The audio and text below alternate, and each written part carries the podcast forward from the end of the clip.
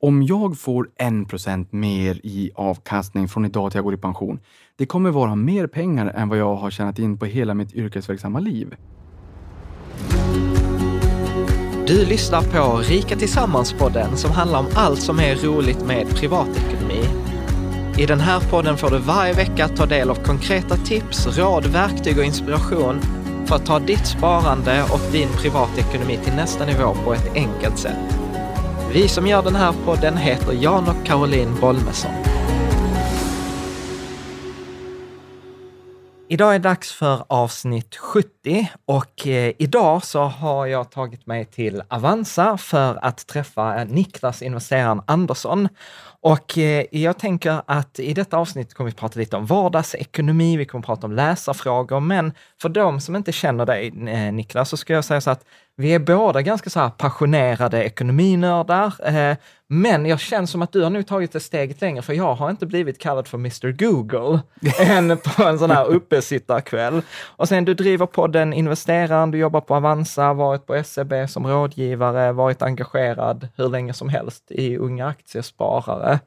Vill du lägga till någonting? Nej, men till att börja med, kul att få vara med på ditt 70-årsjubileum då, eller 70 avsnittsjubileum. Um, ett finansiellt yrvärde från Norrbotten, flyttade ner till Stockholm för finansbranschen två veckor efter Lehman Brothers kollaps. Så fantastisk timing.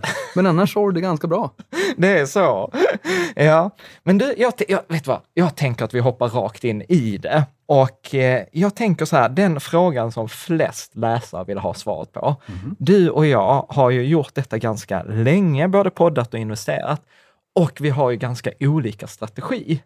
Så att eh, den, den, frågan som flest ville lyssna på var så här, kan man slå index eller inte? Shoot! Nej, min bild är att du kan definitivt slå index. Det, det är, inga, det, det, är liksom ingen fråga om saken egentligen, det går. Problemet är att du behöver liksom vara konfident, du behöver jobba hela tiden, följa börsen, förstå hur och vad som driver värdeskapande i ett bolag. Och jag menar, bara senast idag så var jag på en lunch med ett fondbolag där det stod att i litteraturen till Swedec-licensen mm. så står det att en aktivt förvaltad fond jag tänkte, när jag såg det tänkte jag det här, det här ska jag prata med Jan om i eftermiddag. Då stod det omsättningshastigheten får inte vara för låg. Därför att man betalar ju en aktivt förvaltad fond för aktivitet. Okay. Och att man inte gör affärer är ju inte samma sak som passivitet om det är bra bolag, för du måste ju fortfarande ha koll på bolagen, vad som händer, marknadsförutsättning och konkurrens. Du vet allt möjligt. Så bara för att du inte gör affärer och har en hög omsättningshastighet och bränner massa pengar i courtage, så betyder ju inte det att det är en passivt förvaltad fond och det där tyckte jag var intressant. Någonting annat jag tänker på när det kommer till indexförvaltning, det är ju att vad är ett index egentligen? Ja, i USA har vi ju fler index än vad vi har aktier, vilket är också ja. ganska fascinerande. Det finns någonstans 10-11 000 aktier där borta. I Sverige, ja. ta OMXS30, de 30 mest omsatta aktierna på Stockholmsbörsen. Det är ju 29 aktier till antal bo, eller 29 bolag så att säga. Atlas Copco har ju både A och B. Och det är ju 60 procent av Stockholmsbörsen börsvärdesmässigt. Det intressanta här är att det vi då i dagligt tal kallar för Stockholmsbörsen, ja. det är ju de 30 mest omsatta aktierna. Ja. Det är det vi följer i mångt och mycket när vi har en indexprodukt. Är det så att de 30 mest omsatta aktierna, bara för att de handlas mest, betyder det att det kommer vara de bolagen som är mest värdeskapande över tid? Det är en sån där grej som jag bara har klurat på de senaste dagarna. Mm. Nej, självfallet är det inte så. Och Det finns vissa faktorer när man tittar på det långsiktigt som är liksom, mm, sådär viktigt när det kommer till vilka bolag lyckas och vilka lyckas inte. För tar man index, det är ju som ett fotbollslag. Viss, mm. Ibland pratar man ju om att hoppa laget och ibland så säger man nej men det är ju att spela, det är ju det som är det roligaste, inte att toppa liksom allas lika värde. Jag menar, jag var back när jag spelade fotboll, jag var nog inte jättebra, men jag gillade att tacklas och sådär. Maj satte dem i handbollsmålet. ja, precis. Och jag menar, vissa är bättre och vissa är sämre. Telia kom in på börsen 13 juni 2000.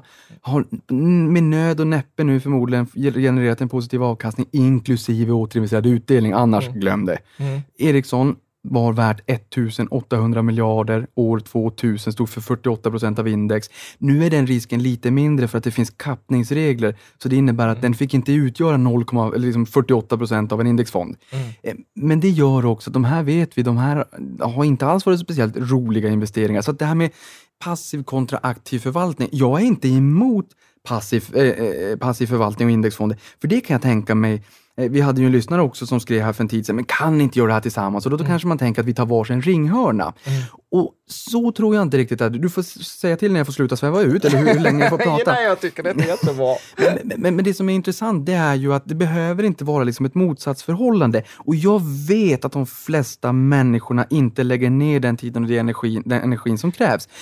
Men handlar det bara om tid och energi? Tiden är en, extremt viktig faktor. Tiden är en, en jätteviktig edge, alltså att man har tiden på sin sida. För många säger ju att jag, jag är långsiktig i mitt sparande. Jag säger våga vara långsiktig. Mm. För att de flesta är långsiktiga tills det blir jobbiga tider på börsen, då säljer man ur. Mm. Så att egentligen den största risken, så att om, om, om det står och väger mellan att ska jag in på börsen överhuvudtaget? Eh, gillar jag det här eller inte? Ta passivt förvaltade indexfonder. Mm. Det är ett mm. jättebra komplement för att liksom skippa madrassen som urgröper pengarnas värde över tid och komma in och få en exponering mot börsen. Men är det så att man blir extra intresserad så kan man antingen behålla indexfond som en bottenplatta och cherry-picka på bolag. Mm. Eller så säger man det här är så pass roligt att jag dedikerar lite tid och energi och tycker att det här är kul. Jag bygger min aktieportfölj. Mm. Och det är också det här med just att försöka toppa laget. För som sagt, indexet, ja det är ju liksom hur snittet går. Det finns många bolag där man ser att mm, det går inte speciellt bra. Ta Ericsson som exempel, man har haft jättemycket konkurrens och jobbig, jobbig, jobbig mm, jobbiga utmaningar från Kina exempelvis. Jag såg senast idag en Huawei-dator. eh, ta Telia som exempel. Där har vi också eh, ägarstyrningsmässigt och, och att koka människor i, i, andra länder där korruptionen är ett stort problem. Det är ingen smart grej att göra. Mm. För det första så ska man inte göra det överhuvudtaget. Det låter inte speciellt trevligt. Och de där riskerna ska man inte underskatta heller, eller att staten är ägare och det brukar sätta lite käppar i hjulet. Försök hitta de bolagen som man tror att här finns det faktorer som faktiskt är värdeskapande. Jag har sett historiskt att de har lyckats, för de är intresserade, som har lyckats öka sin försäljning, som har goda marginaler. Eh, eh, jag ska bara säga jättekort. Nej, kör. Eh, goda marginaler, en vettig lönsamhet, de har någon form av vallgrav och är prissättare snarare än pristagare och funderar kring varför är de prissättare? Och är det här rimligt och hållbart över tid? Och hur, hur har track record varit? Hur har de levererat på sitt mål tidigare?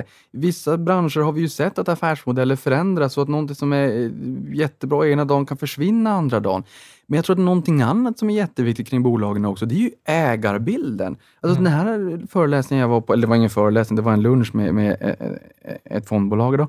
Och då sa att eh, de pratade om sin globalfond. Det här är då ett av, jag vet inte om vi får mm. göra reklam här, men då väljer jag mm. kanske att inte göra det. Men det jo, men det, det får vi här. Det, det, är inte betalt, så, så vi bjuder på det ja, idag. Det var Didner och Järjes globalfond. Mm. Um, och där sa de att det vi ser, de bolagen som går allra bäst, det är ju när vi ser att VD har varit i mer än 15 år, hade de sett någon studie. Mm. Och Det är ju klart, har man en VD som har varit i bolaget jättelänge, som känner bolaget, då kan vi säga, ja men då är man inte lika hungrig som man var från dag ett. Men man känner bolaget, kolla på ägarfamiljen, vi pratar ju pilotskolan, alltså mm. vilka, vilka bolags har liksom skin in the game? Um, ta de bolagen som har det då. Mm. Vi har med som Melker Schörling och Erik Selin på Balder och vi har Stefan Persson och H&M lite jobbigt för det har ju mm. varit tråkig utveckling sedan 3 mars 15 när de vände. Men det har ju varit förmodligen en av Sveriges mest värdeskapande investeringar genom tiderna. Um, så att, att, att, hitta de här bolagen, eller familjen Wallenberg eller Stenbecksfären, alla de här har genererat avkastning som är bra mycket högre än index. Familjen Gustav Douglas med familj med Latour. Mm. Det finns väldigt många bolag där man hittar liksom att det här är ju människor som, de här kan sina bolag, de är där år över år, de har skin in the game och då gör ju uppenbarligen någonting annat än breda massan. Så kan mm. man slå index? Ja, man kan slå index. Kan alla göra det och vill alla lägga ner den tiden och den energin? Nej, och därför är indexfonder ett fantastiskt eh, instrument för att få en exponering mot börsen. För vi ska komma ihåg att det här med börsen och sparande har absolut inte varit en självklarhet historiskt. Mm. Dina föräldrar och mina föräldrar det är ganska stor sannolikhet, eller de som tittar på det här och lyssnar på det här, det är ganska stor sannolikhet att det, den möjligheten absolut inte riktigt fanns på samma sätt som vad den faktiskt gör idag. För oss, absolut. Så, det, det, vilken utläggning Niklas! så, här, Ja, lite lä, lä, vackert. så här lättintervjuad. Men om du skulle, om du skulle sammanfatta det du, du, du sa, så skulle du säga så här, nej, men där finns ett antal faktorer man kan titta på om man lägger ner tid. Om du bara skulle liksom lista dem. Du var inne så här, ägarbilden, vem är det som äger? Är det liksom en familj som har ägt det länge? Vad skulle du mer säga sådana här faktorer? Om jag nu vill lägga tiden, vad är det jag ska titta efter? Ja, dels kan man ju titta just de där nyckeltal och multiplar, om man säger så. Och sen går vi in på lite mjuka värden också, men då är det ju eh, att titta historiskt. Det är ingen garanti för framtiden, men titta på ganska lång sikt, fem eller kanske till och med gärna tio år. Eh, hur har försäljningen utvecklats? Hur har marginalerna utvecklats? Bruttomarginal och rörelsemarginalen. Eh, hur har vinsten utvecklats? Och utdelningen är ju också någonting som är ganska ganska statiskt över tid. Under finanskrisen så var det tre bolag i OMXS30 2008 som slopade utdelningen. Det är ganska ovanligt att de gör det. Kolla på vad VD har sagt i VD-orden. Kolla några bak några år, se levererar man på det man lovar? För att man ska inte underskatta förtroendekapital i den här branschen. Mm. Alltså, om du säger någonting, om du levererar på det så kommer du också få ett förtroende. Eh, Ordförande, inte minst, brukar också ut och prata. Kolla på den här branschen. Växer branschen mycket? Jag menar, vi pratar ju ofta om, om branscher med strukturell tillväxt eller megatrender. En strukturell tillväxt kanske skulle kunna vara gaming som växer jättemycket just nu, eller e-sport. En megatrend skulle kunna vara urbanisering, att vi blir äldre, att vi får mer sjukdomar, att vi behöver... Så lite omvärldsspaning, typ. Ja, lite omvärldsspaning också. Sen ägarbilden, jätte, jätteintressant och, och liksom se där, hur har eh, avkastningen varit historiskt? Säger ingenting om framtiden, men man får ändå någon form av hum. Och jag just eh, inte nog betona den där ägarbilden. Ta Investor från 87 när jag föddes, de har levererat 14-15 procent i avkastning. Investor, så långt jag kan blicka bak, har levererat 16 procent. Latour har levererat 23 procent. Berkshire Hathaway har levererat kring 20 procent med Warren Buffetts bolag. Då. Alla de här bolagen, eh, H&M har levererat eh, långt över 20, sen nästan 30 procent 30%, 30 procent ja, innan precis. de pikade. Eh, och det är klart, det här är ju en förändrade marknadsförutsättningar. Det här är också en supertanker. Det, här, det tar tid att vända och det, det har blivit ett, gått blixtsnabbt.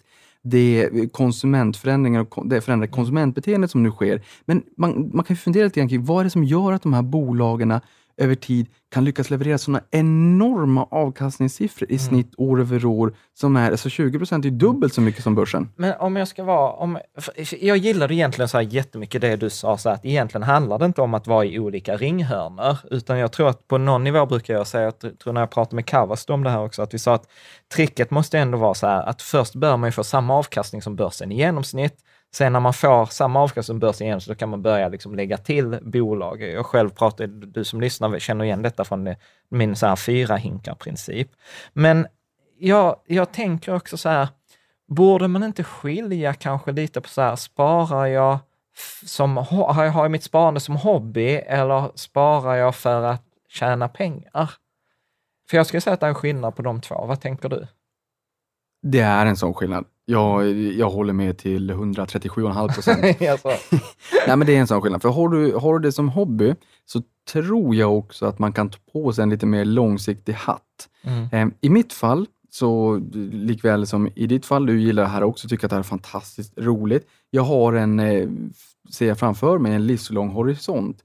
Men det innebär ju också att jag har sparande i, på annat håll. Mm. Man har bostaden, man har en amortering, antingen man har valt själv eller påtvingad. Statligt tvångssparande. Statligt tvångssparande, även om det är dåligt, en dålig sparform, strängt kalkylerande nyttomaximerande, så är det ju fortfarande något som sänker risken i hushållet. Och sen att man ska ha buffert. För bufferten, och du, du kommer tycka, men nu kommer det med, med finansiella husmorstips som är klassiker och klyschor.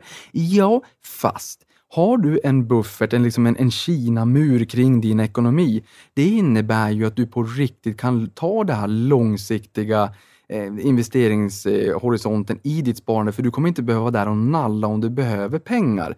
Min buffert ser jag som en försäkring mot att inte ta ut pengar från portföljen när de egentligen borde vara där och jobba. Mm.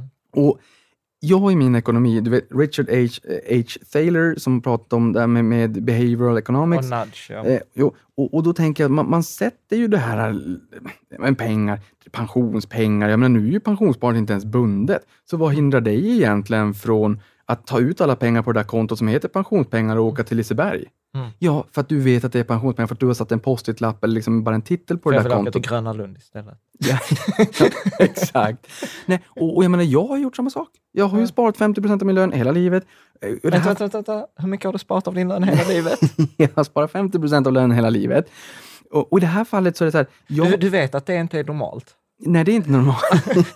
Jag vet.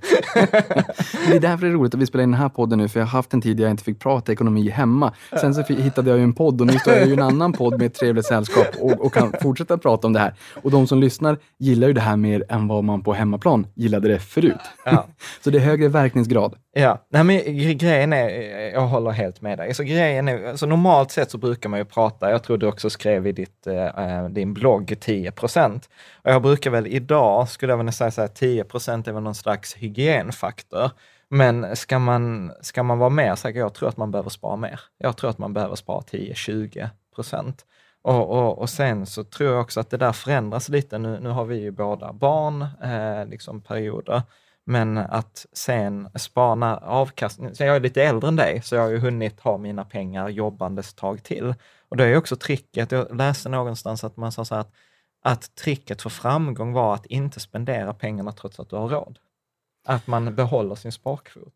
Och, och det som är också när du har ett sparande, det är ju att du kan säga att jag kan köpa det här om jag vill, Mm. men jag måste inte. Mm. Men om du inte har ett sparande och säger att Nej, men jag kan inte köpa det här, jag kan Mm. inte följa med mina vänner på den här resan, jag kan inte göra det här som de kommer ta sig för att göra. Då får du ont i magen istället. Mm. Så att bara känslan av att om du har byggt upp ett sparkapital, det är ju ett värde i sig, den tryggheten som, som det ger. Och att få det kunna känna att jag kan om jag vill, men jag måste inte. Det har ett värde Men- i sig. Absolut. Men du, du blir ju så här, nu går jag helt off script här. Ja, vad trevligt att man får en liten utsvävning. Ja, men vad är det som driver dig då? Ja, men det som driver mig, dels så är det den ekonomiska tryggheten och veta att det finns finansiella muskler om och när jag i livet vill ta mig an någonting där jag känner att liksom, jag vill kunna leva livet på det sätt jag vill, inte måste. Jag vill inte att ekonomin ska stå som en trång sektor och sätta käppar i hjulen, utan jag vill kunna ha möjligheter. De möjligheter, förmodligen, eh, om, om vi blickar fram till när jag lämnar jordelivet, så är jag ganska säker faktiskt på att jag kommer fortsätta vara kvar på det här bolaget, fortsätta göra det jag gör idag, för jag tycker att det är fantastiskt givande. Mm. Det betyder inte att det är givande, för jag har mat på bordet, jag får pengar jag kan spara till min portfölj. Det är viktigt i och för sig. Ja. Men det viktiga är, liksom, tror jag, att känna att man gör någonting, att man lämnar ett avtryck. Och min dotter säger, pappa, eh, du älskade det här med finans, men, men Ja. vad, vad, vad, gör du, vad gjorde du för avtryck här på jorden då? Ja. Nu kommer ingen komma ihåg mig sen ändå, Ja. men det är liksom, jag känner personligen att man får någonting tillbaka. Eh, och jag tycker liksom att det, så att det, det som driver mig är inte pengarna. Samma sak med de här bolagen som jag har i portföljen. Man lär ju känna dem. Och, och liksom att någonstans, men ta någon människa som går på museum. Ja. Vad är det som driver dem att bli så exalterade och få gåshud och liksom alldeles varm i kroppen när de ser gamla föremål hundra år tillbaka? Ja. Men vad är det som driver oss? Vad är det som gör att vi får gåshud och blir alldeles varm i kroppen? Liksom, när man läser på bolagen, historien, avkastningen, familjerna, värdeskapandet, svenska exportsuccéer, vad de har gjort och allt sånt där. Det är intressant, det är samhällsorienterat, det är allmänbildande. Det är kul att följa bolagen liksom, Ja. och också kul i efterhand med backspegeln och säga att ja, men jädrans vad bra investering det här blev. Ja. Och att det också blir den här ekonomiska tryggheten. För att jag, jag vill bara sväva ut och säga att det här med eh, att jag då har bufferten, det gör ju att jag tänker på min portfölj som kapital, inte pengar. Och jag kan säga, ja, vad är skillnaden då? Det är en ganska stor skillnad. Vi går tillbaka till Thaler. Ja. Det, jag ser det på, som kapitalet i portföljen som att om jag säljer någonting, om börsen går ner och jag får ont i magen och säljer, ja, men vad ska jag göra då? Jag ska ju inte ta ut dem. Mm. Jag har aldrig tagit ut pengar från portföljen. Jag har alltid återinvesterat utdelningen. Jag har alltid haft det sparandet som jag pratade om. Ja, men vad ska jag då göra? Vilken annan kapphäst springer snabbare om börsen går ner under finanskrisen? Det gör att jag är ganska iskall i magen när börsen går ner och snarare känner så här, aha, vad kan jag liksom cherrypicka nu med Mr Market och allt det där om vi får liksom en, en överreaktion? För börsen överreagerar ju alltid, alltid fel att säga, men ofta upp och ner. Vi ser det ganska ofta. Jag är mer lugn i magen än om jag hade tänkt att hmm, det här skulle kunna vara en resa, det skulle kunna vara en bil, det skulle kunna vara en lägenhet. Mm. Nu köpte jag en lägenhet i veckan. Mm. Eh, jag hade inte ens finansieringen färdig när jag köpte den. Mm. Då, då, där skänkte det mig ett lugn, för jag visste att det spelar ingen roll. Ja. För att jag vet att det löser sig för att jag har sparat. Den, liksom, bara den jag, jag hade ändå ont i, ont i magen, lite grann. Det, det hade jag faktiskt. Men just den känslan bara att jag kunde vara lugn, den har ett värde på riktigt. Mm. Den var jag så fruktansvärt tacksam över när jag gick och la mig på kvällen. Och det, då får jag ju ut ett värde ur portföljen även fast jag inte har sålt det så att säga. Em, Så att, det- Men vad är det som satte igång detta då, när du var liten? mm? Ja, för där, nu, nu har jag som lösen då, så att nu behöver jag inte heller ta ut de här pengarna ur portföljen. Så nu, för det kan ju vara, vi ska prata om vad som satte igång intresset, men, men, men det gör ju att nu kommer mina pengar överleva i portföljen. Nu kan jag tänka fortsatt långsiktigt, för nu är det ganska långt till vi köper lägenhet eller bostad nästa gång. Men samma sekund, ja, samma sekund som jag satt och skrev på det här avtalet och tänkte Niklas, du är fullständigt dum i huvudet som gör det här nu. Vad håller du på med? Det är också känslomässiga beslut när det är Mm. bostäder. Det är ju lite annars lite konstigt.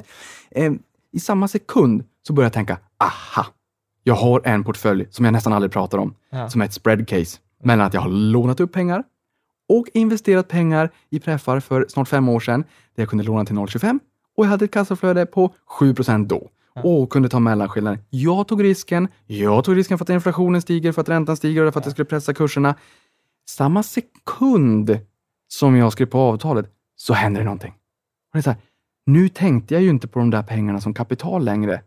Helt plötsligt så tog jag av mig rustningen, arm, armorn liksom, och bara blottade liksom, och blev extremt sårbar. Ja. Därför att någon gång i tiden visste jag att de där pengarna skulle jag använda för en kontantinsats i en framtida lägenhet. Och, det är så här, och då vill jag ju sälja direkt. Ja. Om det där rör sig 5, 10, 15, 20 procent om dagen, har aldrig rört mig i ryggen, just den Ja. portföljen. Men nu rör det mig som tusan i ryggen, för det blir ju reda pengar på Ja. riktigt. Och sen när jag fick finansiering på plats, nu är, är riddarrustningen tillbaka, nu bryr jag mig inte igen, nu är finansieringen på plats.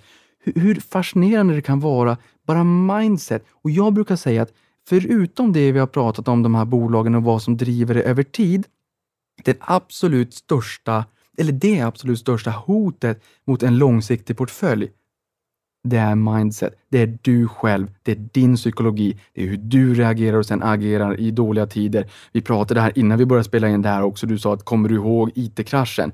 Du kommer ihåg IT-kraschen. Ni gjorde fantastiska investeringar med skolpengarna. Eh, Du har varit med i finanskrisen, jag också. Är Jobbig tid. Det är nyttigt. Jag påstår ju till och med så att innan man har upplevt en kris så är man inte investerare på riktigt. Alltså det är ingen konst att investera i en, vad är det, nio år i uppgång vi har haft, eller den amerikanska börsen i alla fall. Man, man måste, alltså, och jag tror och hoppas att någon som lyssnar på det här och som kanske skulle få lite ont i magen om det går ner, att man tänker sig att de bästa affärerna verkligen görs i de sämsta av tider. Eh, Och det är skillnad på om ett bolag går ner mycket, om det är liksom bolagsspecifika skäl till varför nedgången är, kontra om börsen går ner mycket. Finanskrisen var i 473 dagar. Mm. Det, vi pratar om finanskrisen tio år senare, Mm. men den gick ner från 13 juli 2007 till 27 oktober 2008. Sen har det varit en uppgång sedan dess. En del av det är faktiskt återhämtning och en del är liksom stigande vinster. Men sådär. jobba tillbaka till det där. Vad är det Ja. som gjorde att du började på den här banan? Jo, förlåt. Jo, men det, men det som gjorde att jag började, jag har alltid sparat pengar. Jag har alltid varit galet intresserad av det här och sålde jultidningar över hela Bodens kommun när jag var liten. Jag Men de är så här, skönt att han flyttade till Stockholm. Ja, exakt. Och sen, sen fick ju pappa köra runt med när vi skulle leverera det, så att ju- just eh, rörelsekostnaden, rörelsemarginalen i min lilla business kunde man ju alltid ifrågasätta. Ja. Eh, man cykla, då hade man liksom kunnat skjuta upp rörelsemarginalen jättemycket. Men sen började jag jobba eh, när jag var 13-14 för 30 spänn i timmen och flippa burgare. Det var inte jättebra lön, inte ens då. Men sen under gymnasietiden så jobbade jag heltid på kvällarna vid sidan av eh, studierna. Och då fick jag ju en inkomst, eh, ja, det, ja ni förstår, jag fick ju ingen pensionsavsättning på flippa burgare, jag var ju ganska liten där också. Men, men när det orangea kuvertet kom, det kom ju årsskiftet 2000-2001. Mm. Det här var 2003. Och då fick jag det orangea kuvertet och tänkte, herregud, vad är det här för något? För du, är född f- 87. Ja, Ja, det ska sägas då. jag är född ett halvår innan eh, de- den stora kraschen den 19 oktober där när Ja. Dow Jones föll 508 punkter. Nu Ja. står den i 26 000.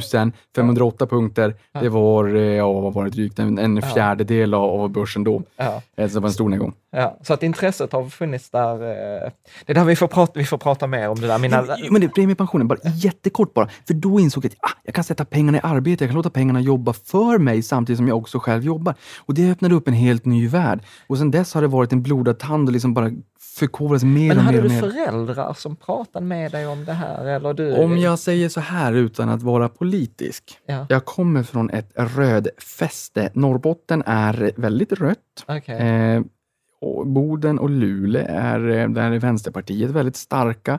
Och du vet vad de tycker om vinster i välfärden och kanske aktiemarknaden ska privatiseras och sådär. Så att jag kan säga som så här. Nej, det här med aktier, jag är nog det svarta fåret och kanske därför jag flyttade. Okej. Ja, vad bra. Du, jag tänkte vi ska ta några andra grejer här. Eh, För, för som sagt, eh, jag tror att lyssnarna nu fattar varför du brukar kallas Mr Google här. Men eh, om vi skulle titta på en, eh, på en privatekonomi, eh, så är det ju, påstår jag, vissa saker som man ska göra rätt. Att till exempel så här, eh, du skrev ju också om det här med buffert, att vi så här, byta sparkonto för 0,2 procent högre ränta, kanske inte det som kommer göra mest skillnad i livet. Så Absolut inte. vilka skulle du säga är de stora vinsterna, the big wins? Detta behöver du få koll på eller göra rätt. De stora vinsterna tänker du över tid för hur man bygger Privat, upp en... ja, men alltså en privatekonomi, liksom om du säger du vet, till din dotter, så här, du vet, detta är de tre grejerna du behöver få, få rätt på. Eh, när det kommer till sparande, dels är bufferten urviktig. Mm. Och anledningen till att buffen, bufferten är urviktig är för att som sagt, det är skyddet för oförutsedda kostnader, utgifter som också skyddar dig från att inte nalla i ett långsiktigt sparande för att börsen, aktiemarknaden är det tillgångslaget historiskt som är det absolut bästa tillgångslaget för att skapa och generera värden över tid. Det finns inget annat tillgångslag historiskt. Liksom, det är det absolut bästa stället att ha sina pengar över tid. Så jag säger som Börje Ekholm, den största risken långsiktigt är att stå utanför marknaden. Så det som är viktigt, dels så, nu är det in, kanske inte för dottern när de är små, men för en själv att ha bufferten så att man inte är och nallar på det långsiktiga sparandet. Ja, så buffert. Som buffert, nummer ett. Ju för att annars kommer du nalla. Ja. Annars nallar du på det, så det långsiktiga blir kortsiktigt. Ja. Och sen så får du inte den här liksom, värdeökningen över tid. Jag vill bara säga här, jag brukar säga Warren Buffett byggde upp större delen av sin förmögenhet efter 60. På den här för, eh, drag, fördragningen som jag var på lunchen, då sa de 70. Ja. Så hade de lite staplar på det. För tar man en krona dag ett och fördubblar den, där jag har sagt några gånger förut, en krona, fördubblar den liksom varje dag i 30 dagar. En krona, två, fyra, åtta, 16, 32, 64, ni förstår, 128, 512. Det är en miljard 70 miljoner efter 30 dagar. Ja. Det kan man ju inte riktigt få, men eh, bara för att förstå vad ränta på ränta-effekten faktiskt gör över tid. Ja. Bufferten, ett långsiktigt sparande och låt I det vara långsiktigt på riktigt i aktier. Så här, är man ung så är det nästan tjänstefel att ha eh, för stor andel räntor. Jag har 0% ränta. Jag skulle aldrig få för mig att ha räntor i min dotters eh, placeringar. Vad spännande, det, det, det ska vi prata mer om. Då. Ja, och, och bara, jag har en kollega vars far sparade i en penningmarknadsfond i 20 år. Jag sa till henne, säg inte till din far Mm. Vad han placerade i. Mm. Därför att det är liksom så här, de senaste 20 åren har börsen gått upp 500 procent, Ja. inklusive återinvesterad utdelning. Och utdelningen över tid är en jätteviktig faktor. Jag tar Ja. Investor igen, det är ett folkkärt innehav. Två tredjedelar av totalavkastningen sedan 1987 kommer från utdelningen, alltså Ja. återinvesterad utdelning. Så man förstår vad det gör över tid. Ja, så spara långsiktigt, aktier. Tredje, vad är tredje grejen? Tredje, eh, spontant så vill jag, jag skulle kunna ha tio, men om jag nu måste välja så skulle jag vilja säga det här med ränta på ränta-effekten är världens åttonde underverk som Einstein lär ha sagt. Nej, om han sagt det, det, det jag hörde inte Precis, han det- säga jag, det. jag, har- jag har sett en bild, sån här meme på nätet, så här, bild på Albert Einstein, det så här, I haven't said half the crap people say I said. Det är, det är förmodligen så. Det är förmodligen så. Fast jag, jag, jag skjuter in en fjärde, en bonus bara. Ja. Och, och det är att på den här föredragningen nu idag, igen då, så pratar man mycket om Warren Buffett, olika citat. Och det här var ju ett av de här klassiska, att aktiemarknaden är en perfekt, eh, eh, ja vad blir det på svenska? Det är eh, ett sätt att föra över värden, kapital, pengar från de som är långsiktiga, uthålliga till de som är eh, liksom kortsiktiga. Nej, in- tvärtom. Nej, för, förlåt, inte till Ja. de som är kortsiktiga. Från de som är kortsiktiga och liksom bara liksom kliar i fingrarna när man håller på att handla hela tiden, till de som är långsiktiga. From the impatient to the patient. Exakt. Och den är ganska intressant ju, för det är ju så. Ja. Eh, Och i Sverige, vi, tittar vi på statistik från Fondbolagens förening så ser vi ju att folk köper aktier när börsen har gått upp, när grannen Ja. byter bil och allt det där. Och säljer när det gör jätteont i magen och Thailandsresan är Jag, kan- jag borta. kan publicera en bild vet, i samband med den här Mm. artikeln. Jag har gjort, eh, jag har gjort egen undersökning på det här. Det är perfekt negativ korrelation mellan insättningar och eh, börsens eh, utveckling. Som jag sa, psykologi, lär känna dig själv. Det viktigaste är din Det får vara femte psykologi. då, lär känna dig själv. Ja, det får vara femte då. Men, men fjärde då, det, det är ehm, att ränta på ränta-effekten också gäller avgifter. Ja. Det är för att om jag får 1% mer i avkastning från idag till jag går i pension, det kommer vara mer pengar än vad jag har tjänat in på hela mitt yrkesverksamma liv. Så att varje procent har betydelse. En och en halv procent från att du är 25 till 65, och det kom, eller en och en halv procent mer i avgift så att säga, fördubblar ditt kapital på 46 år. Inte 40 utan 46. Mm. Får du 3 procent mer, det fördubblar ditt kapital på 24 år. Och får du 4 procent mer så har du tre gånger så mycket pengar efter 30 år. Så det, det har betydelse. Och det här, för nu är det lång, det blir en lång utsvävning, men skalavgifterna som storbankerna har, Mm. det är direkt bedrövligt värdeförstörande. Jag har ingen förståelse överhuvudtaget. Du får man- säga någonting vad skalavgifter är för de som inte vet Jo, vad det är. jo, jo, det kommer jag. Om, om en kvart är jag där. Nej, men det är jätteviktigt, för tänk så här. Man går till mataffären och köper ett tuggummi. Och då betalar man 2,50 för den här plastkassen som förut kostade 1,50. Ja. Okej, men går du och köper en oxfilé, då får du betala 50 spänn för den här plastkassen. Det är ganska orättvist. Och inte nog med det. Det är för att du kommer få betala för den här plastkassen för resten av ditt liv. Och de här oxfiléerna, de ynglar av sig. Så att du kommer få betala 250 kronor eller 500 kronor eller 1000 kronor om några år. Det, är bara, det ligger och dras avgifter hela tiden för en plastkasse. Så att det, det skalavgiften, det är alltså en avgift, procentuell avgift man tar ut för depån eller kapitalförsäkringen som tittar på vad är det för värde här i? Hur mycket har du sparat? Hur mycket pengar har du lyckats generera? Ja, men då vill vi ha en liten andel av det. Vi tar ingen risk, utan vi vill bara ha en andel för att du har Ja. en depå. Och det är ofta de avgifterna som är på typ 0,65 eller liksom den typen. Och då kan man undra sig, vad gör 065 då? Jo, det ska jag berätta. Att om jag har ett, ett, ett tjänstepensionssparande idag på 3000 i, i månaden och skulle nå 10 procent om året i totalavkastning. Stockholmsbörsen idag gillar 4,2, säg 4, du behöver alltså, kurserna ska gå upp 6 procent, utdelningen där till 4, då är vi uppe på 10. Vi har sagt att många bolag är uppe på 12, 13, 14, 15 Investor, 20, Ja. 21, 22, 23 Latour. Det blir ännu större effekter, men vi håller oss lite moderat. Många skulle säga att 10 är nästan att ta i, men låt Ja. oss vara där. Det är 3 miljoner i kostnader för den där 065. Jag vill inte betala 3 miljoner för en plastkasse när jag köper en oxfilé, glöm det. Ja. Jag vill säga, hur viktigt tycker du att det här är John? För att, alltså, så här, folk förstår ju inte, för man pratar... Jag tror ja, men på, jag, ja, ja, men jag håller helt med dig. jag tror Alltså, inte ens jag- folk på banken vet vad det här gör över tid. Nej, nej, nej, nej, jag, jag är ju, alltså, är, så här, är det någon som vet så här, låga avgifter, eh, liksom ränta på ränta länge, det, det har jag tjatat om sedan 2008. Och det är så jäkla viktigt och det är så bra att du gör det för att jag blir, alltså jag blir skogstokig. Varför ska de ha tre du, Jag ska berätta en till grej. Jag var på, i Almedalen 2016 och så var det en väldigt namnkunnig eh, aktör inom pensionsbranschen där. Det var mycket snack om det här med, eh, med, med provisionsförbud och så tyckte de att ja, då har de tagit in, in en internationell specialist där som sa att jo, 3% i avgift för finansiell rådgivning, det tycker vi är bra.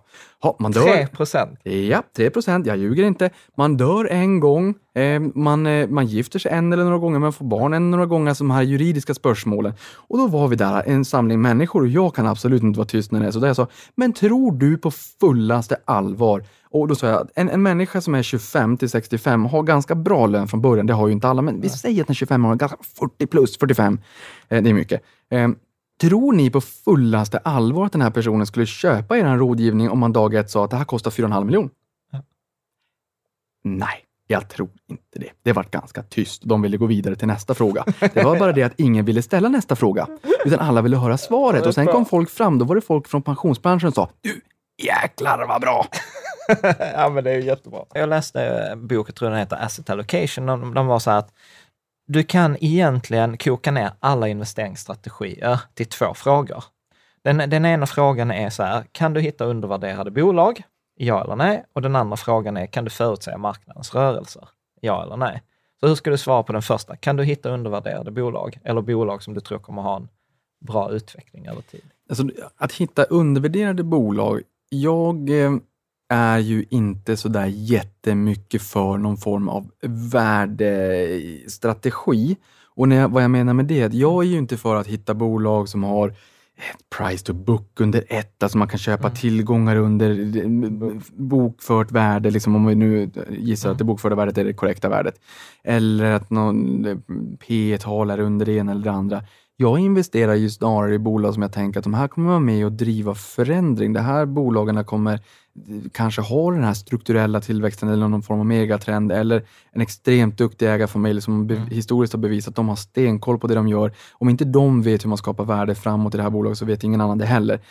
Så att, hellre att jag liksom köper på det långsiktiga temat. Sen är ju inte värderingen är inte oviktig, mm. men värderingen är inte det viktigaste heller. Mm. Nej, men, och, och låt mig tona ner liksom den, den, det här med att Jaha Niklas, menar du att värderingen inte är viktig överhuvudtaget? Kan man köpa Amazon på P 200? Det kom faktiskt upp på lunchen idag också. Mm. Jag bara, ja, det kan man. Mm. Det för grejen är att jag tror det är, det är ett jättebra exempel på att folk inte liksom riktigt alla inte riktigt förstår vad som händer där. Det är så här, nej, P200, nej, det är alldeles för dyrt för någon har sagt att P-talet P, ligger mm. ja, över 20, alltså 14-15 är historiska mm. snittet. Då ska man ha ett P på 20, då ska det vara tillväxtbolag, så ska man ha price, eller PEG-tal på, mm. på, på 2. Ja, men det är ju sådana fall om man har P-talet på 20, då måste ju vinsttillväxten vara på 10 procent i alla mm. fall. Mm. Alltså P-talet kan vara dubbelt så högt som vinsttillväxten och då mm. ligger man ju på PEG max 2 då helt enkelt. Men i det här bolaget, de vill ju inte göra någon vinst. De tjänar pengar, de köper massa skjortor till sin skjortkollektion hela tiden och så finns det inga pengar kvar. Men det är ju som att säga till en kompis, jaha, jag får lön varje månad, men, men jag köper eh, ja, godis för allting, så jag tjänar inga pengar. Och du säger, jo, men du tjänar ju pengar. Mm. De här investerar ju bara i nya marknader, nya, nya mm. vertikaler, nya områden hela tiden. Det kommer ju en dag när de, när de kommer tjäna pengar och det är det enda jag vill säga. Jag, jag ska inte stå och prata Amazon, men de tjänar ju jättemycket pengar på dels på e-handeln växer, eh, sen har de Amazon Web Services som är clouding-verksamhet och sen börjar de tjäna pengar på marknadsföring, för varannat produktsök i USA går via Amazon. De här trenderna tycker jag att man inte riktigt ser och sen så råkade vinsten skjuta upp 1200 procent i Q2. Mm. De här tjänar fruktansvärt bra med pengar och omsatte 1600 miljarder i fjol. Men de väljer ju att investera för framtiden. Då måste man som investerare tänka, vad är det som skrapar under ytan? Alltså, vad, vad, hur mycket pengar kommer de tjäna där framme då? Mm. Precis. Så jag skulle ändå tolka den frågan, inte så mycket då, fel, felformulerat av mig eller slarvigt undervärderat, men du tror liksom så här, bolag som kommer ha en bra utveckling framåt. På den här frågan nummer två, kan du förutsäga marknadens rörelser? Definitivt inte. Ja. Nej, nej, men definitivt inte. Eh, grejen är att... Eh, detta, detta är jätteroligt, för jag pratade med Henning, investerarfysikern, i förra avsnittet och han var, han var precis tvärtom. ja, då blir det ju extra intressant. Eh, bara superkort, några andra bolag som Netflix och Storytel är också så jättesvåra case för så här, marknaden. Man kan ta att värderingen är hög, men marknaden växer snabbt och det är svårt som lekman att veta hur, hur stor kommer den här penetrationen vara i framtiden. Eh, Amazon, de gick upp tio gånger pengarna första året, sen gick de upp 100 000 procent till fram till idag. Och någon som hade fått tio gånger pengarna 97 när de kom in till börsen, jag skulle inte vara arg, eller jag skulle inte tycka att de var dumma genom att ta... Jag hade inte gjort det, för, men här, man fattar ju att vissa kan sälja. Och sen ser man inte skogen för alla träd. Men den här frågan med att förutspå marknadens svängningar, nej. Och anledningen till varför jag säger så, det är för att Börsen är din egen onda magkänsla multiplicerat med några miljoner magar. Vi är bara människor. Mm. Och det är mycket psykologi, det är mycket magont och eh, marknaden överreagerar ofta åt båda håll, både upp och ner. Man brukar säga börsen är lite grann av en drama queen, så i det korta perspektivet, nej. Ta H&M som exempel. Nu, nu får du säga till när jag får sluta sväva ut, men där sa man nu i rapporten här som kom då, och då var ju försäljningssiffrorna såklart, de var ju redan kända sedan tidigare och lite utköpsrykten och sondera terrängen i London. Och det har kommit lite mm. rykten och sådär. Jaha, då när rapporten kom, nej gud, herregud, mardrömssiffror. Jag har nämligen tagit en printscreen i min telefon också, okay. för när jag såg olika pushnotiser från olika finansmedia ja. i, i, i, Sverige. Och en mardrömssiffror. Och så här, de där rubrikerna, de ställer också till det för långsiktiga sparare. Nu pratar inte jag om H&M specifikt, utan jag pratar generellt börsen. Man måste hela tiden haka upp på att det händer något. Ja. Man behöver rubriker. Ja, mardrömssiffror. Och sen så kom det från ett annat hus då, vad heter det nu när börsen hade stängt, Eh, superrusning 11 procent. Eh, Den steg ju 17 procent veckan innan, det var den största uppgången på 17 år. Eh, 24 procent av kapitalet är kortat, det kan bli lite short squeeze, det är, en, det är liksom lite, kanske lite överkurs, vi- vissa vet kanske vad det är. I alla fall, eh, då sa man så här, nej den här ska ner i källaren. Mm. Och den steg 11 procent. Den adderade 24,5 miljard på börsvärdet. Då tycker man så här, jaha, men och det beror ju också på tolkningsföreträde. Vad, vad är det som tolkas positivt här och nu? De ökade upp varulagret ganska mycket. Det tyckte man, det där var inget bra. Online växte 39 procent. Och den som kommer ihåg kapitalmarknadsdagen i februari i år vet att 12,5 procent av försäljningen då var online och 22 procent av rörelseresultatet utgjorde det. Då tänker man, ah, Online växer, online är mer lönsamt. När driver det igenom? Jo, då sa de så här, 20, jag är snart klar. 2022, då tror vi att online kan omsätta 75 miljarder. H&M omsatte 200 miljarder ex moms i fjol. Det är alltså en rätt stor andel av hela H&M's försäljning som kan utgöras av online 2022. Om de når det där, de har, där i, på senare tid har de ju inte så bra track record på, på att leverera på det de säger. Men marginalerna är mycket, mycket högre. Hmm.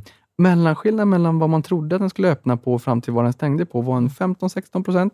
Eh, Det visar hur svårt det faktiskt är. Och som sagt, det är mycket psykologi. Och marknaden, det här sista jag ska säga.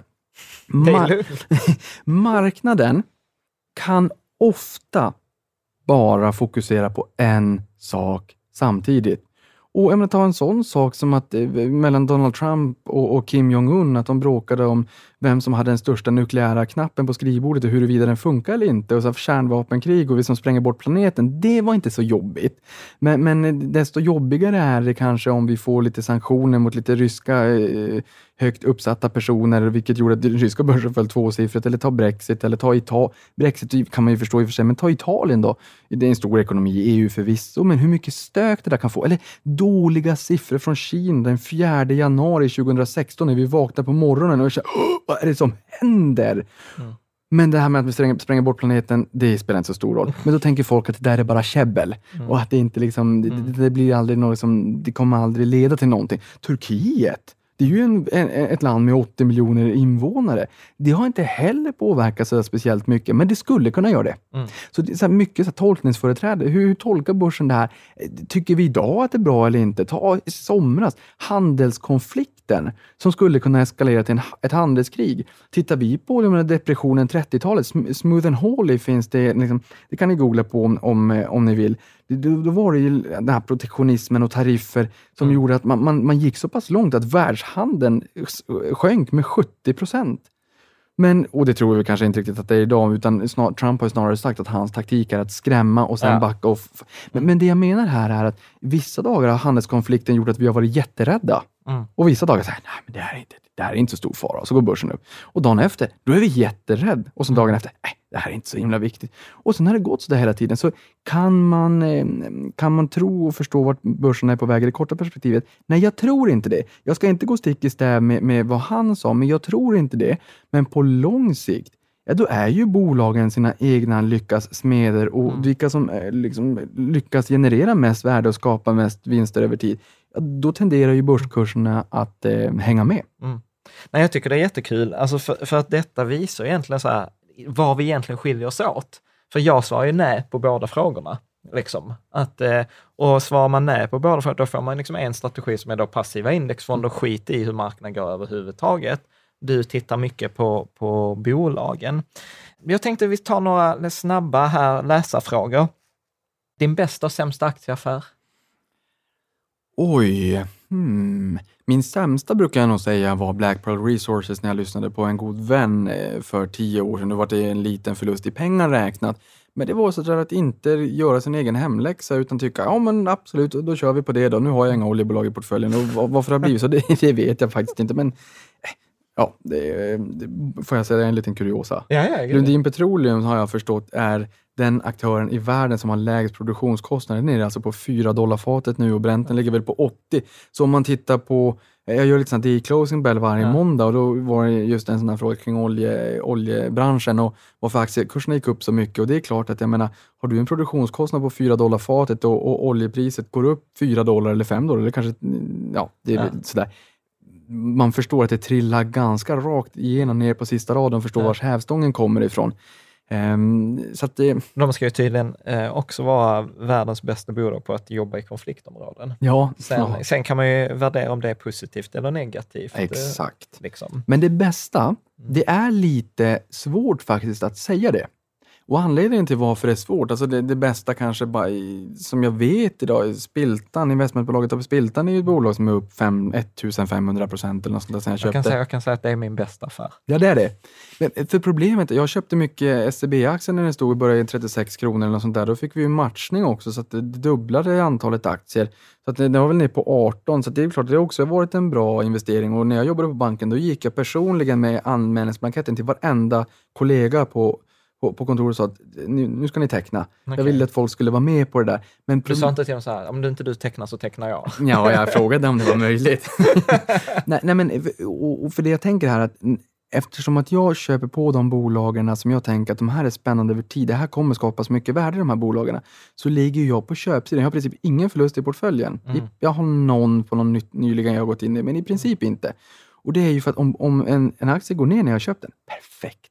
Jag har bestämt mig för caset, jag har bestämt mig för aktien. Går den ner, då köper jag på mig mer och sen så minskar Kan, kan man följa dina aktier någonstans, vilka du har? Nej, det kan man inte. Hade, anledningen till det, jag har faktiskt funderat lite grann på om det är så att man skulle lägga ut den. Men sen kommer MAR-regelverket också som har kommit på senare tid, som är så implicit och explicit rådgivning. Och, och, ett problem är att tillräckligt många människor kopierar rakt av. Jag säger inte att jag är någon guru som man ska lyssna på, att man kommer få Nej. världens bästa avkastning när man följer mig, men jag säger att tillräckligt många människor i det här landet är så pass ointresserade men vet att sparande är bra så att man kopierar rakt av. Och ja. Det gäller definitivt även dig. Så det, Gud ja, men jag kör bara indexfonder så att jag är lite mer safe. ja, och, det, och det där är både läskigt och lite utmanande och då gör det också att när man i sådana fall, om man skulle säga allt man har, då skulle människor också höra av sig sen om det kommer en sämre rapport mm. från ett bolag och säga, men hur tänker jag nu? Det här var ju inte bra. Hur, det här var ju jättedåligt.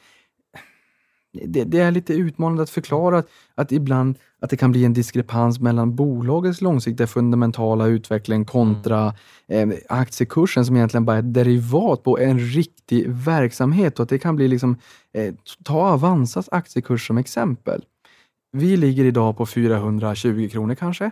Vi har varit nere på eh, runt 300, eh, en bit under 300 och jag var uppe på 480 förmodligen det senaste året. Tiden går fort, men jag tror att det är senaste mm. året. Var vi ett övervärderat bolag på 480, eller en övervärderad aktie då? Eller var vi ett undervärderat, en undervärderad aktie på 296-297? Mm. Ja, det kan man ju kanske tycka, men det har ju egentligen ingenting har ju förändrats i bolaget. Vi, mm. Jag fortsätter gå hit på morgonen och känna att jag gör ett viktigt jobb, mm. men börsen och aktiemarknaden svänger ju. Mm. Men så, så, att man måste skilja på aktie och bolag. Mm. Eh, Absolut. Och det är väl det där som är lite grann utmaningen och det är inte alla med på. Så att, mm. Mm, så att, och jag gissar att du då tänker inte dela med dig, jag tänker inte pressa dig. No, men jag kan dela med mig av vissa bolag som jag tycker är spännande. Ja. Eh, och då får man ju liksom inte köpa dem eh, rakt. Det är inte liksom så tips, utan det är så här, kolla upp, ha det på bevakningslistan. Ja, eh, Avanza behöver jag ju inte säga, det mm. känns väl självklart. Eh, Activision Blizzard har jag, mm. gamingbolag i USA. Mm. Eh, Didner och Jerry hade den också i sin mm. globalfond, enda gamingbolaget. Jag fick inte riktigt ur dem exakt varför de hade valt det och inte kanske Electronic Arts eller Take-Two. Mm. Men varför jag valde det här, det är ju dels för att jag har förstått att det är en extremt lojal spelarskara. Mm. Eh, och det är ju två bolag, Activision och Blizzard, då, men Blizzard har ju 18 titlar, jag tror att 19 kanske med Overwatch. Warcraft. Ja, World of, ja, jag tror att det var 12 miljoner människor globalt mm. som betalade 100-120 spänn i månaden på toppen. Ja. Men att jag förstår att de fortfarande investerar pengar i alla de här titlarna. Och Jag tycker att det där är fascinerande, alltså när man kan ha en så stark kultur, så stark eh, fanskara och liksom, det är ju ett värde i sig. Ja, det, där, det, det tycker jag var intressant. Mm. Jag har lite Alibaba, mm. eh, men, men, men sen, på senare tid så har jag blivit lite orolig. Mm. Och anledningen till varför jag har blivit lite orolig, det är för att jag ser vad som händer med exempelvis Tencent och hur den här våta filten, den politiska risken i Kina, har bubblat upp till ytan lite grann. Mm. Där sa man ju till Tencent, nu godkänner vi inga nya spel och ni får inte göra det här och det här. Och den, de föll 200 miljarder dollar. Mm. Apple och Amazon tillsammans eh, har nästan samma börsvärde som hela Hang Seng-index i, i Mm. Kina. Så det, var- Det är jättemycket. Ja. men, men, men, men, men den där risken, ja i alla fall, nu- ska vi... ja, men du kan bara, du behöver inte motivera dem. Okej, L- Latour, Ja, Tu- love it. Jag love it. Thule, Mm. mm. Ska vi se om vi har någon mer godingar att dela med oss av. Jag blir inte, än så länge har jag inte blivit förvånad. Nej, nej det är bra. AAK, ja. Ehm, Assa Abloy, Mm. kanske inte Latour heller. Mm. Jag tror att, tittar man där, en tredjedel av omsättningen kommer från produkter som inte fanns för tre år sedan. Innovation, det skapar också, det, det är så man kan ta betalt. Mm. Atlas Copco. Vet du varför jag står här och ler? Nej. För att när jag började investera när jag var 16, Mm. så fick jag det, de här tipsen, precis de här bolagen av då min flickväns, eh, eller min dåvarande flickväns pappa. Och jag kommer ihåg så bara, men det är ju skittråkiga bolag och SKF var med där då också. Jag var så här, men det finns ju Framfab och det fanns Icon Media Lab, sen vet vi hur det gick. Liksom. Ja. Gammal äldst. Ja, shoot, jag ska inte Ja, avbryta. nej, nej, nej, nej, men du, jag har pratat på så mycket så jag är bara glad att höra din ljuva stämma också. Epiroc, alltså jag har ju en avknoppningsnotering då från, från eh, Atlas Copco. Ja. En spännande grej är ju att halvledare är ju någonting som boomar. Mm. Och då, då vet vi liksom AMD och Intel och sådär och Mm. Nvidia med grafikprocessorer. Eh, Atlas Copco ju är, är världsledande egentligen, eller en av världsledare, jag har inte gift på att de är världsledande, men eh, i alla fall i den ligan, på vakuumlösningar, alltså deras affärsområde är vakuumlösningar då, som man behöver i framställan produktion när man gör halvledare. Man behöver vakuum. Det får Ja. liksom inte vara lite sand och damm Nej, och grejer när du köper din processor. Där är de världsledande. Jag tror att de är världsledande. Men väldigt eh, vassa i alla fall. Eh, och det växer på jättekraftigt. Eh, Fabege. Ja. Och det med AI och big data och Ja. deep learning och allt det där. All, allt, det, det trycker ju bara på. Ja. Det är strukturell tillväxt i det, i, i affärsområdet. Fabege. Ja. Och mycket kontors... Och det är där, förstår inte, jag ska inte motivera alla, men där tror jag inte man, liksom, man pratar om den här bostadsbristen i Stockholm i mångt och mycket, men man pratar inte om bristen på kontorsyta Ja. och att gamla kontor görs om till bostäder. Nu har ju Ja. bo, bostadsutvecklarna lite jobbigt, så det kanske är lugnare just nu. I alla fall, Balder, Erik Ja. Selin, pilotskolan, nästan halva bolaget äger han. Jag har H&M. Ja. Jag tror på en vändning, men jag tror att det kan vara andra, andra grejer som springer snabbare än H&M. Ja. Jag tror fortfarande på en vändning. De är upp nästan 50 procent nu från 117,10 där de vände i slutet på mars. Hexagon med Ola Rolén. Ehm, jag vet faktiskt inte hur det går i den här... går det? Var min första. Men vi jo. behöver inte hoppa Nej, in i Olas nej, jag- jag tror att- rättegång. Nej, jag tror att den, den, den ska tas upp i nästa instans så att säga, Ja. men, men det ligger lite latent just nu. Eh, och jag vet inte hur en sån våt filt påverkar liksom, psyket, för det är ju jobbigt för alla människor när man Ja. har något sånt hängande över sig. Ja, men det är som, det är som eh, idag, Mm. Elon Musk, eh, S- SSC, Ja, 11, 11 procent på Tesla följde. Liksom för, för att han blev anklagad för att eh, ma- otillbörlig marknadspåverkan, som det så fint heter på svenska. 420, funding secured. Ja. Finansinspektionen motsvarande tyckte alltså inte om det där. Ja. Huvudstaden, Mm. de får ju lite skit för att det är lite för låg belåning i det där. Men ja, shoot. Intrum. Mm. Intrum i många år. Ehm, jag var lite besviken de senaste turerna. Sen kom Micke Ja. till min podd. Jag fick en bättre känsla. Om de levererar på det de säger till 2020 så är det extremt lågt värderat. Ja. Med ett stort om. Stora Ja. bokstäver. Jag om. Ja. Ehm, Investor. Ja. Eh, Kinnevik. Ja. Latour. Ja. MTG fick jag från Kinnevik. Ja. jag har Nibe. Ja. Eh, Gert-Erik är också på, på 10 topplistan över piloter. Han har två miljarder i bolaget själv, varit VD i 30 år. Ja. Ehm, jag har SEB sen min tid på SEB. Jag har lite Skanska. Mm, de får sluta med de här nedskrivningarna. Jag har haft Volvo också sen vändningen på 70 kronan. Ehm, vi går lite tillväxt. AQ, Bahnhof, Ja. Beijer Alma. Sen har vi, jag har Cloetta, det vet ju folk. Jag har haft lite Concentric, lite Diös, Norrland. ehm, Phoenix Outdoor. Mm. Eh, på Fjällräven. Fjällräven, Konken påverkas inte i lika stor utsträckning av den retail-döden eller the, brick of, the, death of brick and mortar som man pratade om i fjol för att de har liksom, eh, ja, det- de har sina butiker, liksom, specialiserade eh, kunskap, man går in där och sen så vill man ha god hjälp när man ska upp på Kebnekaise så man är beredd att betala lite mer och allt sånt där. Mm. Nåväl. Eh, Fortnox Mm. har jag haft många år. Eh, Kop- Kopparbergs. ja. Jag bara skrattar, du är så här, vissa av de här bolagen är jag kund till. Och man Mm. stör sig varje gång de skickar en faktura. Så man fattar ju att de tjänar pengar. Ja. Eh, Kopparbergs, eh, kan man ihåg Ronny och Ragge-reklamen? Det var ju Nej. för att de, eh, de hade ju inte liksom någon marknadsföringsbudget. Det, men det är ändå rätt roligt, för du har ganska många entreprenörsdrivna bolag. Ja, människorna bakom är otroligt viktigt i min mening. Och även företagskulturen. Alltså det Mm. går inte nog beskriva. Du vet, Peter Bronsman på Kopparbergs, han köpte det där tillsammans med sin bror Dan, alltså när de var 29 bast och nu är han liksom 60. Jag hopp, om du lyssnar på det här Peter så ber jag om ursäkt om du inte är 60. Men, men, men, men, Men du är typ ish 60. Ja. Han har hållit på med det här livet ut och kommer vara det här livet ut. Jag gillar det, för det, jag är sån själv. Mm. Jag sa ju det här nyss, att jag förmodligen när jag, liksom, när jag blickar tillbaka på mitt liv kommer säga att jo, men jag var nog här på Avanza resten av mitt liv. Mm. För att det, det är inte bara ett lönekuvert som är viktigt. Mm. Det finns andra ställen som betalar mer. För mig är det viktigt liksom, vilket avtryck jag gör, att jag känner att jag gör någonting viktigt. Och att de människorna som mer eller mindre uppenbarligen viger sitt liv till ett bolag, jag har en, en djupt enorm respekt för det. Eh, eh, sen har jag Storytel. Mm. Jag köpte in nyligen. De har gått ner lite grann. Mm. Eh, De, de var upp 8 när jag köpte dem och sen är de ner 9 nu. Jag gillar att de är ner 9, för de har gått upp väldigt, väldigt mycket. Mm. Så jag, jag, jag köpte lite Paradox också, ja, men det har jag i investmentbolaget AB Spiltan. Mm. De köpte sin steg för 30 miljoner, nu är det liksom 15-16 miljarder som börsvärdet är. Så det har ju varit en fenomenal resa.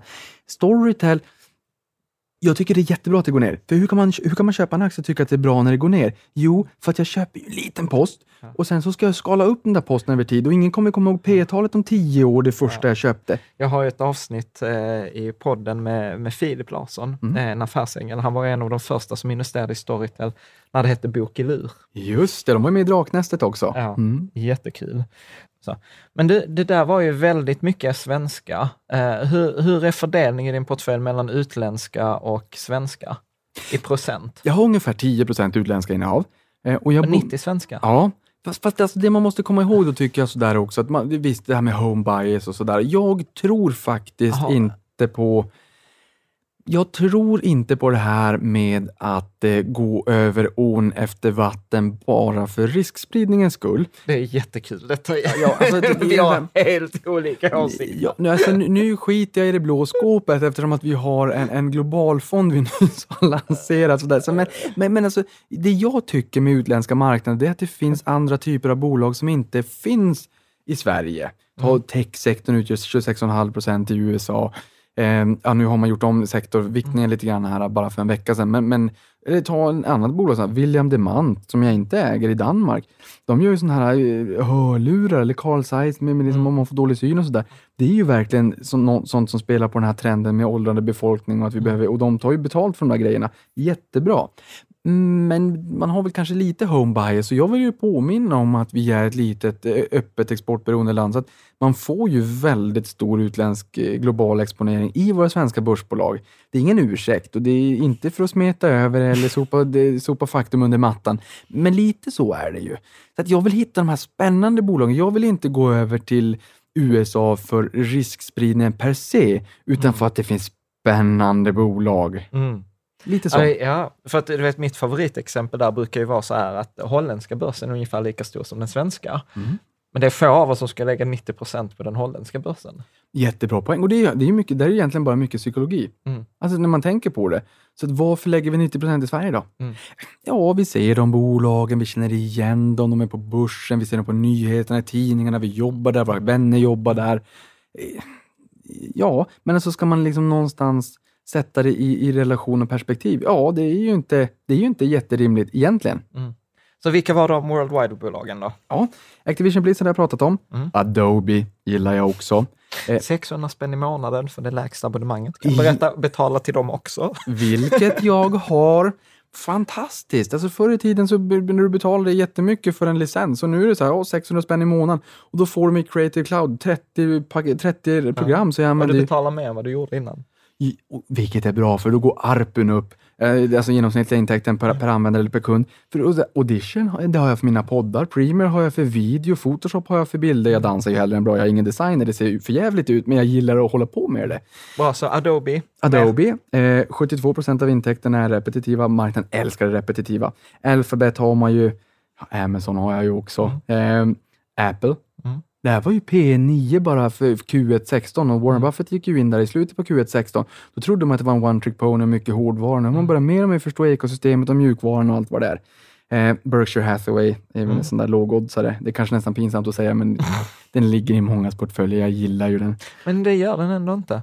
Vet du vad, jag tror inte det. Eller du har ju bättre siffror än vad jag har, men jag upplever ändå att det är... Alltså, det- så här, även om det är runt 20 procent av svenska befolkningen som äger aktier, så folkaktierna, så här, Eriks, Ericsson och Telia, alltså Telia är den mest ägda med en halv miljon. Så även om vi säger att var femte svensk äger aktier, då räknar de med kapitalförsäkringar, eh, så innebär det ju inte att så många är aktiva, för det där kan ju vara liksom Men reliker. jag, men jag vet ju att när jag skrev boken Gör ditt barn rik så fick jag ju jätte, jättemycket hjälp av eh, Alex Huser. Och vi kom ju nog fram till att 40 procent av eh, kunderna hade en till tre aktier. Jättekul att du säger det, för det är nämligen Euroclear-rapporten där. Ja.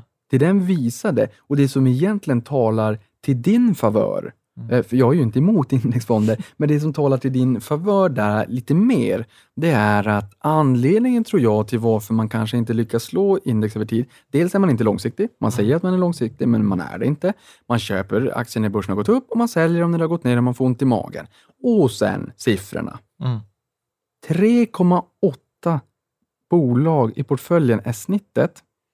Men 48 procent av aktieägarna i Sverige nöjer sig med en liten aktie i portföljen. En. En. En. En. Vet du hur många människor som ägde bara Ericsson när det, när det begav sig? Nej, men det är så här, och jag har haft kollegor tidigare på SE-banken som sa att jag hade, de hade jättemånga kunder som jobbade på Ericsson. De hade bara Ericsson. De visste exakt tick-sizen. De visste exakt, eller ja, det- tick-sizen var ju 25 öre men de, de visste exakt vad aktiekursen stod i. Ja, Och hade hela sin ekonomi där. ja. Och det Nej, spelar liksom ingen roll. de, vi hoppar till de utländska bolagen Ja. och man blir bara mörkrädd. Man blir bara mörkrädd. Precis, man kan säga så här, har du bara en till tre aktier, byt till en indexfond. Ja. Det, det, det, det är så här, det kan vi vara överens om. ja. Och sen är det Karne. Karne, vet du vad Karne står på, eh, vad är på finska? Nej, Ja, det- alltså är skissbolaget. Jaha. Ja, ja. Eh, Det är eh, Finlands rikaste man. Vet du vad Karne betyder? Nej. Eh, maskin. Alltså, Det är inte svårare än så. Vet du vad Karne Cranes betyder? Maskinkranar. Det är ett annat finskt bolag. Eh, Jag har eh, Netflix. ja. Jo, det var ju intressant när jag köpte det. Det är några år sedan. Då var det så här, ja, teknikrisken är ganska hög. Den är inte li lika hög idag. Nu är det snarare innehållet och det där, så att säga. Eh, Och att man fortsätter liksom addera Ja. på användare. Där man är 50 procent. Ja. Nu är den upp 200 procent. Ja. Eh, roligt, du har samma aktier som min dotter. Ja, Ni väljer dock på lite olika kriterier kan jag berätta. ja, men, och det här, och det är jättekul för du får, ska, får gärna berätta mer om din dotter och aktierna, för det där tycker jag är spännande. Jag har också en dotter, men just det här med att det behöver inte heller vara jättesvårt, för man kan ju ha en indexfond som en bottenplatta och sen cherrypicka på lite aktier om man tycker att det är lite Absolut. roligt. Ta gaming, eh, eller spel och dobbel snarare, när, när det boomade, sen så får man ju ha, fråga sin moraliska kompass om man vill ha det eller inte. Svar nej. Eh, nej, jag har inte heller det faktiskt och jag sålde bort Betsson. Ehm, eh, nej, jag har inte det heller och det känns faktiskt bra. Inte ur ett fundamentalt perspektiv, men snarare liksom övergripande. Det är bara kasino och s- spelreklam hela tiden nu. Men om man då köpte de här aktierna när det boomade och alla skulle spela poker 2001, 2, 3. Det är några tusen procent man har kunnat få. Om man köpte Apple när, när iPhone kom och alla vänner skulle ha en iPhone, ja, det är också några tusen procent. Om man köpte Electronic Arts när alla spelade Fifa och NHL i vår ungdom, ja, du är ju ännu äldre, du är ju en gammal gubbe snart. Tack Niklas. Det är ännu, det är, det är, det är samma sak där. Om det är så att man, eh, jag ska ta med för exempel, ja men det, ta Kopparbergs, nu var det ett litet bolag då, men det fanns en tid när inte alla, men eh, man, Norrlands guld var många, eller kanske Finkel, men, men, men, men men om man vill dricka cider, Ja. fantastisk avkastning, Ja, tusentals absolut. där också. Om man, om man vill, eh, Netflix, alltså 2012, du vet när jag var hemma i Boden i Sävast eh, i somras, då den här lilla butiken, då, då var jag in där och sen så ser jag den här lilla stackars, stackars utfrysta hörnan med, med filmer, alltså fysiska filmer där man kunde stå på och så kom det ut en liten CD-skiva. Kommer du ihåg när man gjorde det här? ja. Jag kommer ihåg när man gick till en bankomat dygnet runt tyckte det var jättehäftigt. Det såg ut som en bankomat. Och så sa man vilken film man ville ha. Och så kom det ut en VHS-band och så var man tvungen att komma tillbaka vid en viss tid dagen efter, annars fick man straffavgift på 40 spänn. Ja. Then there was streaming, typ 2012. När alla skulle börja ha streaming, Ja. när alla började... Nej, men jag håller med. Ne- Det är Netflix där. är ganska så här. Bra, vad har du med? I- Då har vi Paypal. Mm. Jag gillar också det här med, med digitaliseringstrenden så att säga. De, eh, nu höll jag på att prata finska, det är inte det norska, to, Tomra. Eh, jätte, Walt Disney också för rättighetsbiten, ja. nu ska vi in på Netflix, eh, eller ska lansera sin egen streamingplattform ja. också. Det är det marknaden vill ha. Skulle inte de köpa Comcast? Eller vad det, jo, jo, jo det, det, är liksom lite budstrid. Jo, det ska de. Tomra är jättespännande. Är det någonting, de har gått upp jättemycket så tyvärr, mm. men man kan väl ha dem liksom, man får väl tänka lite sunt om man nu vill köpa mm. långsiktigt och bygga upp en position eller om de skulle gå ner. Men eh, Tomra är ju ett spännande bolag som rider på en positiv trend. Det finns en term numera som är extremt intressant tycker jag och det är positiv screening. Därför att tar man indexfonder så kan man ju säga att många exkluderar pornografi och vapen och klusterbomber och spel och dobbel och eh, alkohol och ja, men det kan ju vara och allt med och tobak och sådär, allt möjligt.